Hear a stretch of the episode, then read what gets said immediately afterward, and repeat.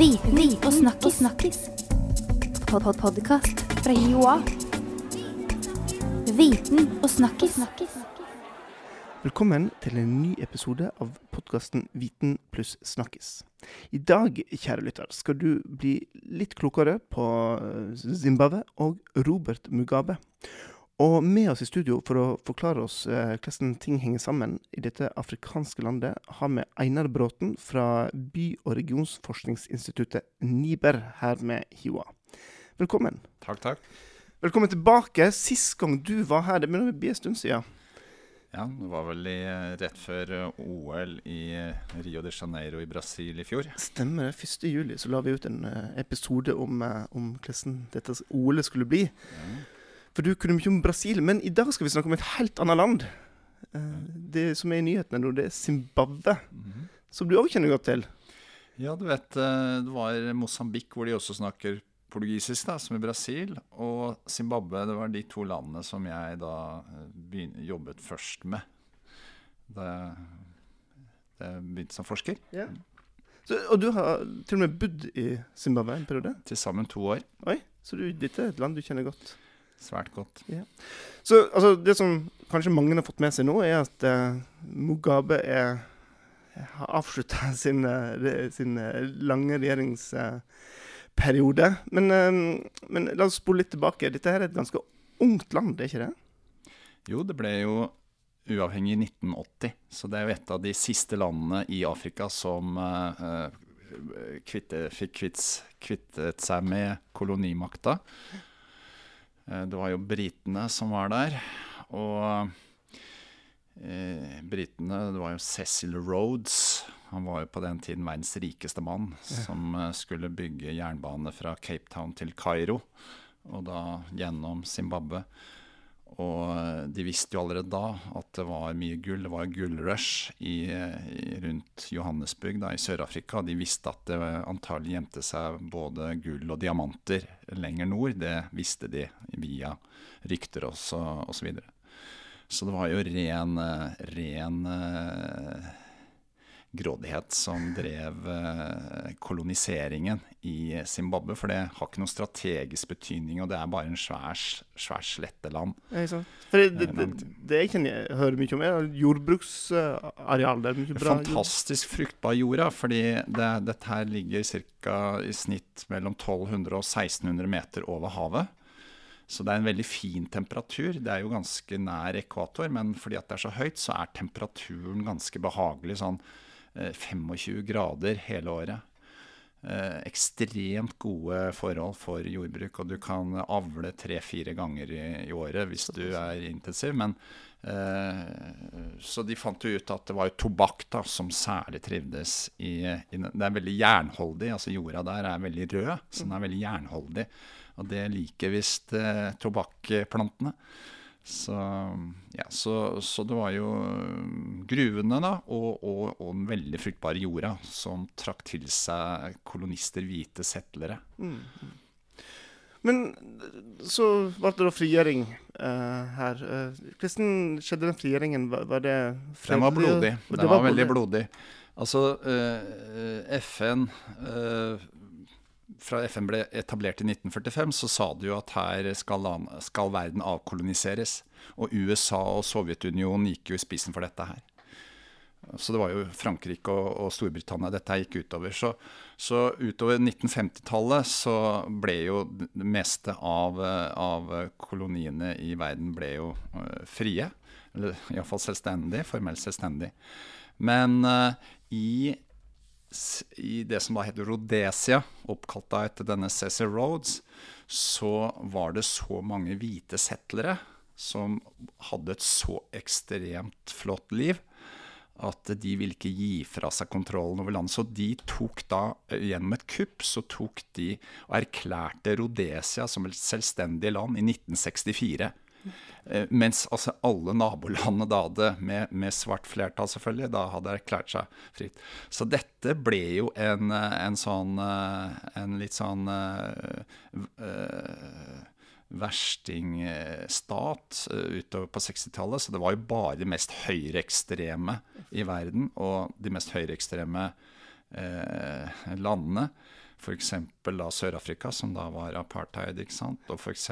Taiwan, da, som var i, i kamp. Altså Veldig merkelig, veldig få land som anerkjente Rhodesia, og der satt da en, eh, noen, eh, en hundre tusen eh, hvite, og, og, og, levde jo et ekstremt herskapelig liv, som i, altså, i gamle sørstatene i USA. ikke sant?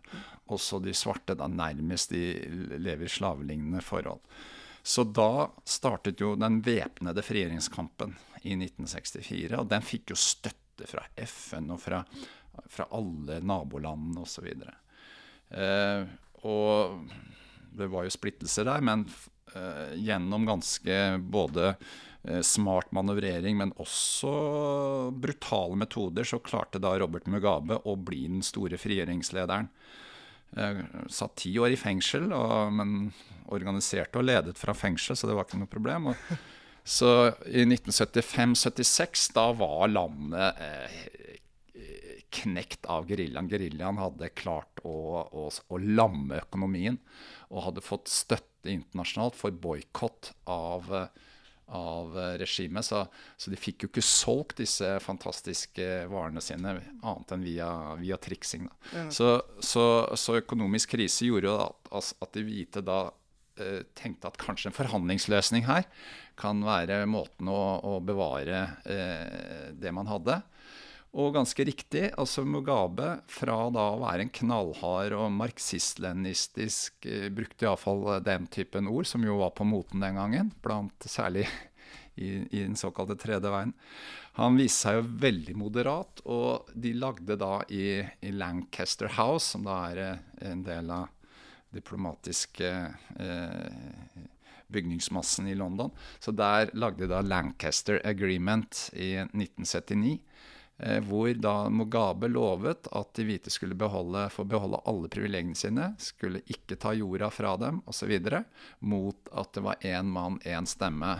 Eller én person, én stemme. Altså at det ble, ble flertallsstyre og svart styre. Hva hva sa de andre om at de hvite fikk disse privilegiene? Nei, det var jo eh, Det var jo egentlig en vinn-vinn-situasjon akkurat da. Fordi at eh, landet hadde de hvite dratt samla ut på det tidspunktet, så hadde det ikke vært noen igjen til å ta over. Sånn at det Mugabe og ledelse, altså frigjøringsbevegelsen tenkte, det var at her trenger vi en 10-20 år bygge opp en, eh, en ny generasjon gjennom utdanning osv. som kan ta over økonomien og ta over og, og, og drive statsapparatet og det økonomiske apparatet osv. Og, så mm. og så kanskje da om eh, Så det var en, det var en tiårig avtale bygd inn at uh, da skulle det ikke eh, gjøres noe mot de hvite. Men da vel, lå det vel inni her at dette var en slags, om ikke en selvmordsparagraf, så iallfall en, en bombe som lå detonert. Så etter at den tiårsperioden da var over, så begynte det å røre på seg. Sin, hva skulle man gjøre med dette her? Og da, det jo, da begynte ting å snu. Ja. Og så har da Robert Mugabe sittet og ledet landet helt fram til nå. Ja. Hvordan har denne her, eh, alle disse åra gått, altså med tanke på oppslutning og popularitet? Har han hatt folk med seg hele tiden? Han har eh, vært uh, ekstremt populær. Eh, altså Bob Marley kom jo og, og feira Robert Mugabe i 1980 etter uavhengigheten. Det var jo en halv million mennesker på da, i gatene og rundt stadion og sånn hvor dette her var. Og um, karismatisk og utrolig høyt ut, velutdannet. Og, Lærerutdannet, jeg skjønt? Ja, men han har jo flere doktorgrader. Han satt såpass lenge i fengsel at han fikk tid til å studere ganske mye. Så, så, så, så, det er jo ikke noe å si. Og det er jo fineste Oxford-aksent på, på engelsken hans osv. Så, videre. så, så han hadde veldig stor respekt også blant kan du si, dannede eller utdannede mennesker over hele verden altså, i 1980. Så, men det som mange da har lett for å overse, det er jo at uh, altså det ligger jo alltid motsetninger under. Altså, du har veldig nasjonal enighet akkurat når man kjemper for frihet for sitt land. Men da er jo en del av de motsetningene som er i landet, de blir jo da dempet. Mm. Og så kommer de fram sant, når man har slått den felles fienden. Og det som da er i Zimbabwe, og egentlig alle land i verden, da, men eh, i Afrika så har du store etniske eh, ulikheter og oppsplittinger. Mm. Og i Zimbabwe så er eh, dette veldig sterkt. Du har da eh, eh, en 80% av befolkningen tilhører såkalt Shona-folket. Det er der Mugabe kommer fra. Så var det en annen frigjøringsbevegelse som representerte Ndebele, som er, eh, utgjør 20% av befolkningen som bor i, i, i vest og sør, bl.a. rundt Victoria Falls-områdene. Og de har da stammer mer eller eh, springer da ut av zuluene i Sør-Afrika. Mens shona eh, har ingenting. altså De kan ikke forstå hverandre, de to, de to gruppene, de to språkene. Så de må kommunisere. altså De må lære hverandre språk. eh, Like stor forskjell som russisk og norsk. Så, Eller eventuelt mm, kommunisere på engelsk. Og så er det også innad blant shonaene. Det er ikke nok med det, men innad blant shonaene så er det også veldig stor splittelse mellom den gruppen som bor i nord. Eh, Sesuru heter de. Det er der Robert Mugabe har maktbasisen sin. Og de som bor i sør i Zimbabwe, som heter Karangane. Så de to som nå har kjempet, da, altså Mugabe og han Mnangagwa, mm. visepresidenten som, eh, som eh, eh, Mugabe prøvde å kvitte seg med, men som nå da kom, tydeligvis har kommet tilbake til makta. Eh, de to representerer de, hver av de to store undergruppene. Så eh, Og det igjen har jo en lang historie, men altså, det vi vet innenfor utviklingsstudiene osv., det er at når, når, når får Når staten ikke fungerer godt, når eh, økonomi og sånn ikke fungerer godt, så, så, og du får en sånn knapphetsøkonomi og hvor, du, hvor fordeling av goder og sånn ikke skjer på en åpen og demokratisk måte, men via forbindelser, via kontakter, know who er viktigere enn know-how osv. Så, videre. så det er da helt vanlig at en meler sin egen kake og kaka til familien og kaka til eh, etniske grupper. Og hvis det er noe mer igjen, så kanskje du deler med de som kommer fra samme region i landet. Altså dette, Den typen eh, logikk er veldig typisk over hele veien. Det er egentlig, den hadde vi også i Europa veldig lenge, inntil vi fikk et skikkelig demokrati og velfungerende eh, stater og økonomier. Og da gjorde vel ikke saken bedre at han ønsket at sin eh, kone skulle ta over uh, styringa? Nei, og dette er jo verste formen for nepotisme, da. Verste formen for dette. Eh, eh, og ja, dette er jo en lang historie. Han hadde jo en kone som Sally, som av ulike grunner De hadde jo et barn som døde, så de var barnløse. Så mens uh, Sally levde, så hadde fikk han jo denne Grace som elskerinne, da, og deretter inn som sekretær. Og derfra, når Sally da var død, så gifta de seg. Og de har jo da fått tre barn og arvinger. Ja. Uh, så han fikk jo på det tidspunktet så, så ser han jo på seg sjøl, glemmer at han er uh, valgt av folket, og mener liksom at han eh, egentlig er blitt en konge, da. Hvor eh, kona kan etterfølge som en dronning, og, og barna skal følge. Så, så dette ble for mye for selv for hans nærmeste tilhengere. For, for nå var det militæret som gikk inn og sa stopp, og satte han i husarrest, eh, Ja. hvis jeg forstått det rett. Ja. Ja. Og uh, igjen så var det også litt dette her at denne gruppen da, uh, som han uh, visepresidenten avsatte Mnangagwa representerte, de er ganske sterke i militæret. Og, og denne Mna- Mnangagwa selv har vært eh, veldig knyttet til det militære apparatet. Han var jo sikkerhetssjef osv. veldig lenge. Så, så, så han er på en måte militærets mann. Mens eh, Mugabe, han, han tok vel kanskje støtten i militæret for gitt, men Mugabe eh, har jo stor folkelig støtte i de gruppene, eller i de delene, og i de etniske gruppene da, som han kommer fra. Hva tror du skjer nå? Eh, Kan en håpe på Tror at dette her vil gå rolig for seg? eh, eh, Eller er det uroligheter som ligger her og ulmer? Nei, altså Zimbabwerne er etter min mening et veldig sivilisert folk. Og de har ikke fortjent eh, det som har skjedd i landet deres eh, i dette årtusenet. altså. Eh, det var jo en demokratiseringsprosess på 1990-tallet, og du fikk sterk, et sterkt opposisjonsparti. Eh, fagbevegelsen var en drivkraft i opposisjonen. Så de vant jo da en folkeavstemning i 2000, år 2000 om eh, en ny grunnlov. Det er første nederlaget Mugabe eh, støtte på noen gang.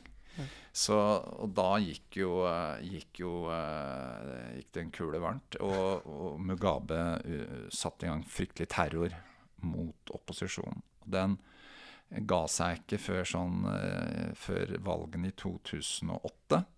Da ble det noenlunde frie valg. Og opposisjonens leder fikk 48% av stemmene i første valgomgang, og Mugabe fikk bare 43 oh, ja. okay. Og uh, Svangirai, som han het, opposisjonslederen, uh, uh, ville helt sikkert ha vunnet. Og så setter da Mugabe og han nye nå, Nangagwa, i gang en voldsom terror. Masse aktivister som blir drept eh, veldig bankes opp. Altså rå, brutal vold som brukes mot opposisjonens ledere. Sånn at Sangirai trekker seg i protest mot volden og sier at det er ikke mulig å ha valgkamp under disse forholdene. Og så eh, får jo da Mugabe walkover og blir da president i 2008. Og så plutselig etter det så blir de venner igjen, og så lager de en nasjonal samlingsregjering. Og den De fikk ikke gjort mye opposisjon i den samlingsregjeringen, men de fikk iallfall revidert Grunnloven. Så den var ute til folkeavstemning og, og fikk og langt over 90% ja. Eh, som styrker rettssikkerheten, styrker parlamentets stilling eh, osv. Et steg framover for, eh, for å normalisere eller få et mer normalt demokrati i, eh, i Zimbabwe. Så men eh, opposisjonen hadde da blitt veldig splittet. Etter eh, det som skjedde i 2008, så var de uenige om strategier og alt mm. sånt. Og, og, der er det også etniske motsetninger, eller oppsplitting.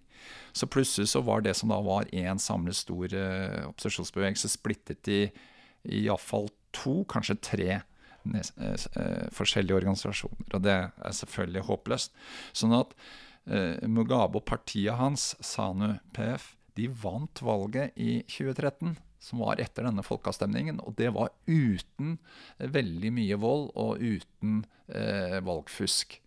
Ifølge observatører. Så eh, Mugabe ble valgt med 61% av stemmene i 2013. Sånn at dette er ikke det mest typiske. Dette er ikke noe sånn Idi Amin, eh, blodig regime. Dette her er en sånn merkelig blanding av et veldig, veldig avansert demokrati og med grunnlov og, og fungerende rettsapparat og sånn, og, og, og terrorvelde innimellom. Mm. Eh, som selvfølgelig er knyttet til lunene til Mugabe. At når han hadde en dårlig dag så, på jobben, så var det noen som led. Men, uh, så, så, dette ble, ble, Og når dette rammer da hans tidligere nærmeste, så, så, var det jo da at det, ble slutt for han. Så det som er håpet, og alle har jo opplevd denne formen for styre, at dette vil ikke ha. Vi vil ha et forutsigbart, gjennomsiktig, demokratisk system. Og det er det veldig bred enighet om på, på, tvers av partier mm. og grupper. Så jeg tror at uh, de klarer å samle seg, og uh, de har noen mange masse utfordringer og osv. Og, og at uh, de da gjennomfører de valgene som da skal være hvert femte år, og neste valg er da bebudet neste år, 2018. Mm. At de får røsket opp i det som er urettferdig og tullete i bl.a. valglov og sånn, at det blir et eh, Kanskje blir et av de mest demokratiske landene i, i Afrika. Dette høres jo veldig oppløftende ut. Altså, du, det er lov å håpe. Ja, Men uh, mitt poeng er at det er ganske Altså, Zimbabwe har en veldig For eksempel så har de et, et Eh, Mugabe skal, skal, jo ha det at eh, i de gode årene i 1980 og langt i 90-årene så bygde han jo opp et av de beste skoleverkene i Afrika. Et av de beste offentlige helsevesenene i Afrika. Sånn at gjennomsnittlig zimbabwer er eh, mye bedre utdannet enn eh, ungdom ellers i området. Sånn at veldig mange av de drar til Sør-Afrika. Det er litt, ja, en tredel eller en fjerdedel, og blant ungdommene kanskje inn på halvparten. Eh, når de drar, eh, er ferdig med, med utdanning, så får de seg gode jobber i Sør-Afrika. For i Sør-Afrika så vil de ha svarte, Ja. men de, den svarte befolkningen i Sør-Afrika er ikke godt nok utdannet til å ta alle jobbene. Så det er overraskende hvor mye zimbabwere man møter i Sør-Afrika på i, i ledende posisjoner. Så, så de har, og de er jo veldig opplyste. De, det er jo ikke noe folk heller hvor, som er så mye på nett og sånne ting som i Zimbabwe. Sånn at det er opplyst og utdannet eh, befolkning. Så ja, så det er også mye, mye gode odds der. Einar, tusen takk for at du kom innom og fortalte om, eh, om dette temaet. her. Er det er jo en spennende fortelling. Eh, så får vi bare håpe at eh, dette her kommer til å gå rolig for seg. Så får vi heller invitere inn på nytt hvis det skulle ta helt av der borte. Ja, gjerne det. Tusen takk. Tusen takk for at du ville høre på denne episoden. Eh, som alltid så finner du mer informasjon på uh, nettsidene til denne podkasten, blogghiva.no slash viten og snakkes. Så minner vi òg om at vi har ei Facebook-gruppe. Så uh, søk opp podkasten Viten pluss snakkes og bli medlem av gruppa for å holde deg orientert om hva som skjer. Viten og snakkis. snakkis. Pod -pod Podkast fra Joa. Viten og snakkis. snakkis.